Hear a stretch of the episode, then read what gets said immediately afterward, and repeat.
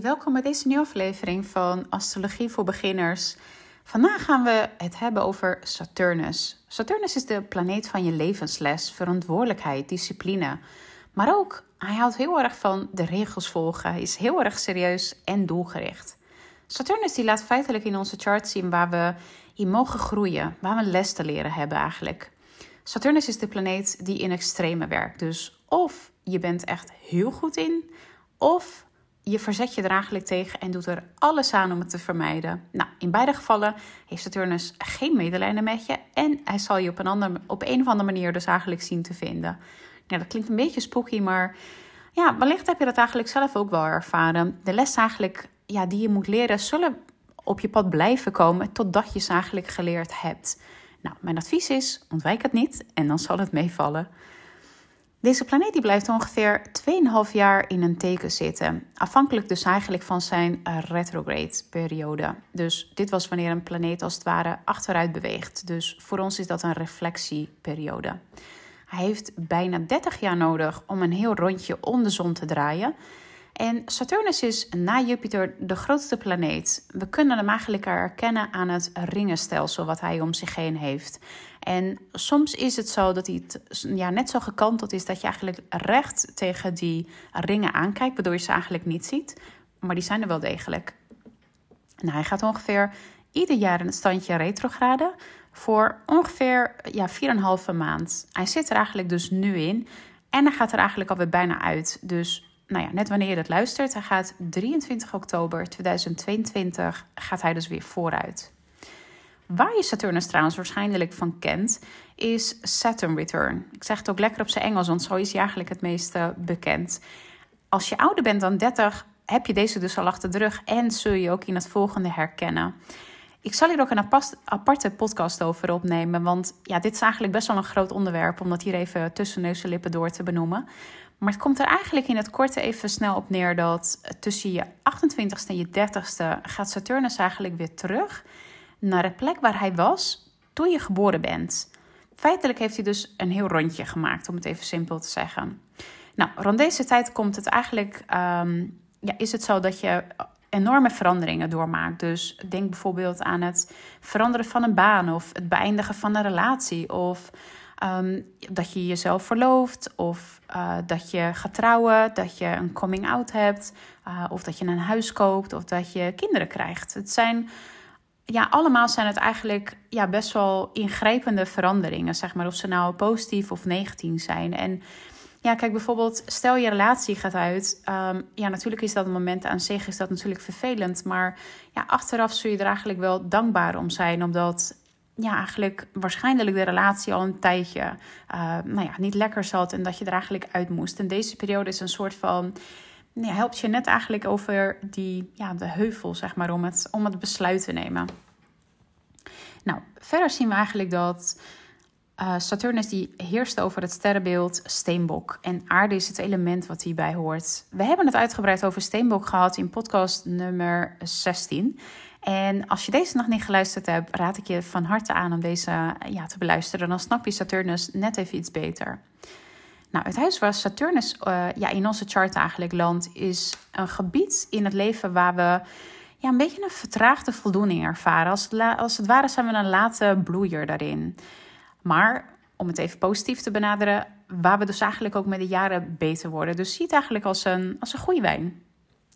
Ik zal ook trouwens een aparte podcast opnemen over Saturnus in de huizen. Want um, ja, dat is eigenlijk ook een, uh, even een verhaal apart. En wilde deze podcast ook niet al te lang maken. Want vandaag gaan we ons namelijk focussen uh, op Saturnus in de sterrenbeelden. Wat dat dus eigenlijk betekent. Alright, nou als je je chart nog niet voor je hebt, uh, pak die dan even bij als je op astro.com even kijkt. Ik heb in de show notes heb ik het uh, directe linkje neergezet, zodat je daar makkelijker heen kan. En ja, zoals gewoonlijk is het super belangrijk dat je dus je exacte tijdstip invult. Want als je een beetje, nou ja, stel je bent bijvoorbeeld ongeveer om twee uur geboren en dat vul je dan in. Kan het wellicht zijn dat je dus ja, net verkeerd uitkomt, dat het net over de grens zit en dat je dan eigenlijk een beetje naar een foutieve chart zit te kijken. Dus dat zou, uh, dat zou zonde zijn. Dus ga vooral even naar uh, ja, wat je exact uh, geboortetijdstip is. Nou, als je deze eenmaal gevonden hebt, zoek dan even naar Saturnus. Ik heb even voor het gemak heb ik even het, het teken van Saturnus heb ik in, het, in de titel van de podcast erbij gezet. Dus hij kan niet missen. Alright, laten we dus gaan kijken naar de sterrenbeelden in Saturnus. Nou, zien we als eerste zoals gewoonlijk Ram. En met Saturnus in Ram heb je eigenlijk te leren dat het oké is om jezelf soms egocentrisch te laten zijn. Zonder ja, jezelf daarvoor te, verontschuldigen. Met mate natuurlijk. Dus niet altijd egocentrisch zijn, maar af en toe is dat best oké. Ehm, en dat je eigenlijk ja, de moed mag eigenlijk opbouwen om fouten te mogen maken. En te leren dat het niet, ja, dat het um, niet eerst komen, dat dat oké is. Dus dat je dus niet op de eerste plek komt. En je mag hier oppassen dat je eigenlijk dus jezelf niet te veel beperkt vanwege faalangst of angst om een slechte beslissing te nemen. Zien we als tweede Saturnus in stier. Nou, stier is eigenlijk geobsedeerd door, door veiligheid en maakt zich eigenlijk hier heel erg veel zorgen over je moet eigenlijk weten dat het oké is om te vertragen en een, ja, een schildpad als het ware te zijn. Een stier wordt als het ware ja, vaak eigenlijk met een, met een schildpad. Dus de, de traagheid daarvan, daar wordt hij vaak mee geassocieerd. Je hebt eigenlijk toestemming nodig om traag te zijn en ja, geaard te zijn. Je, je bent namelijk heel erg grondig als je geaard bent. Je moet een plan hebben en het moet eenvoudig zijn. Dus, en het is oké om dat nu niet te doen. Het leven draait namelijk niet om wat je bereikt. Nou, zien we als derde Saturnus in tweeling.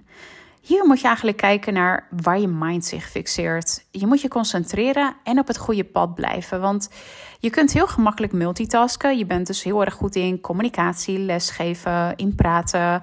Ehm, maar dan verbreek je eigenlijk al heel snel de verbinding. Je bent snel afgeleid. Dus je mag leren om bewust te worden, om te mediteren. En dus leer ook je mind om te beheersen. En beslis ook waar je wilt concentreren. En ja, focus je daar ook op. Vierde Saturnus in kreeft. Je levensles heeft eigenlijk te maken met je familie van herkomst en de wonden die zijn ontstaan die aan je doorgegeven zijn. De tweede helft van je leven heb je eigenlijk lessen die je moet leren over je kinderen en opvoedstijl. Dus hier ben je of heel erg emotioneel en je wordt afgeleid, of je wordt heel erg ja, je sluit je eigenlijk af voor emoties en ja, ben je eigenlijk bang voor je emoties. Nou, zien we als vijfde Saturnus in Leeuw. Hier mag je erkennen dat je dus goed bent in wat je doet zonder dat je afhankelijk bent van externe validatie. Hier ben je of heel erg verlegen en geremd eigenlijk in, ja, om in de wereld te verschijnen, om jezelf dus te laten zien, of je bent heel brutaal en je bent hier wel degelijk toe bereid. Nou, in beide gevallen is comfort met het element vuur is eigenlijk je les.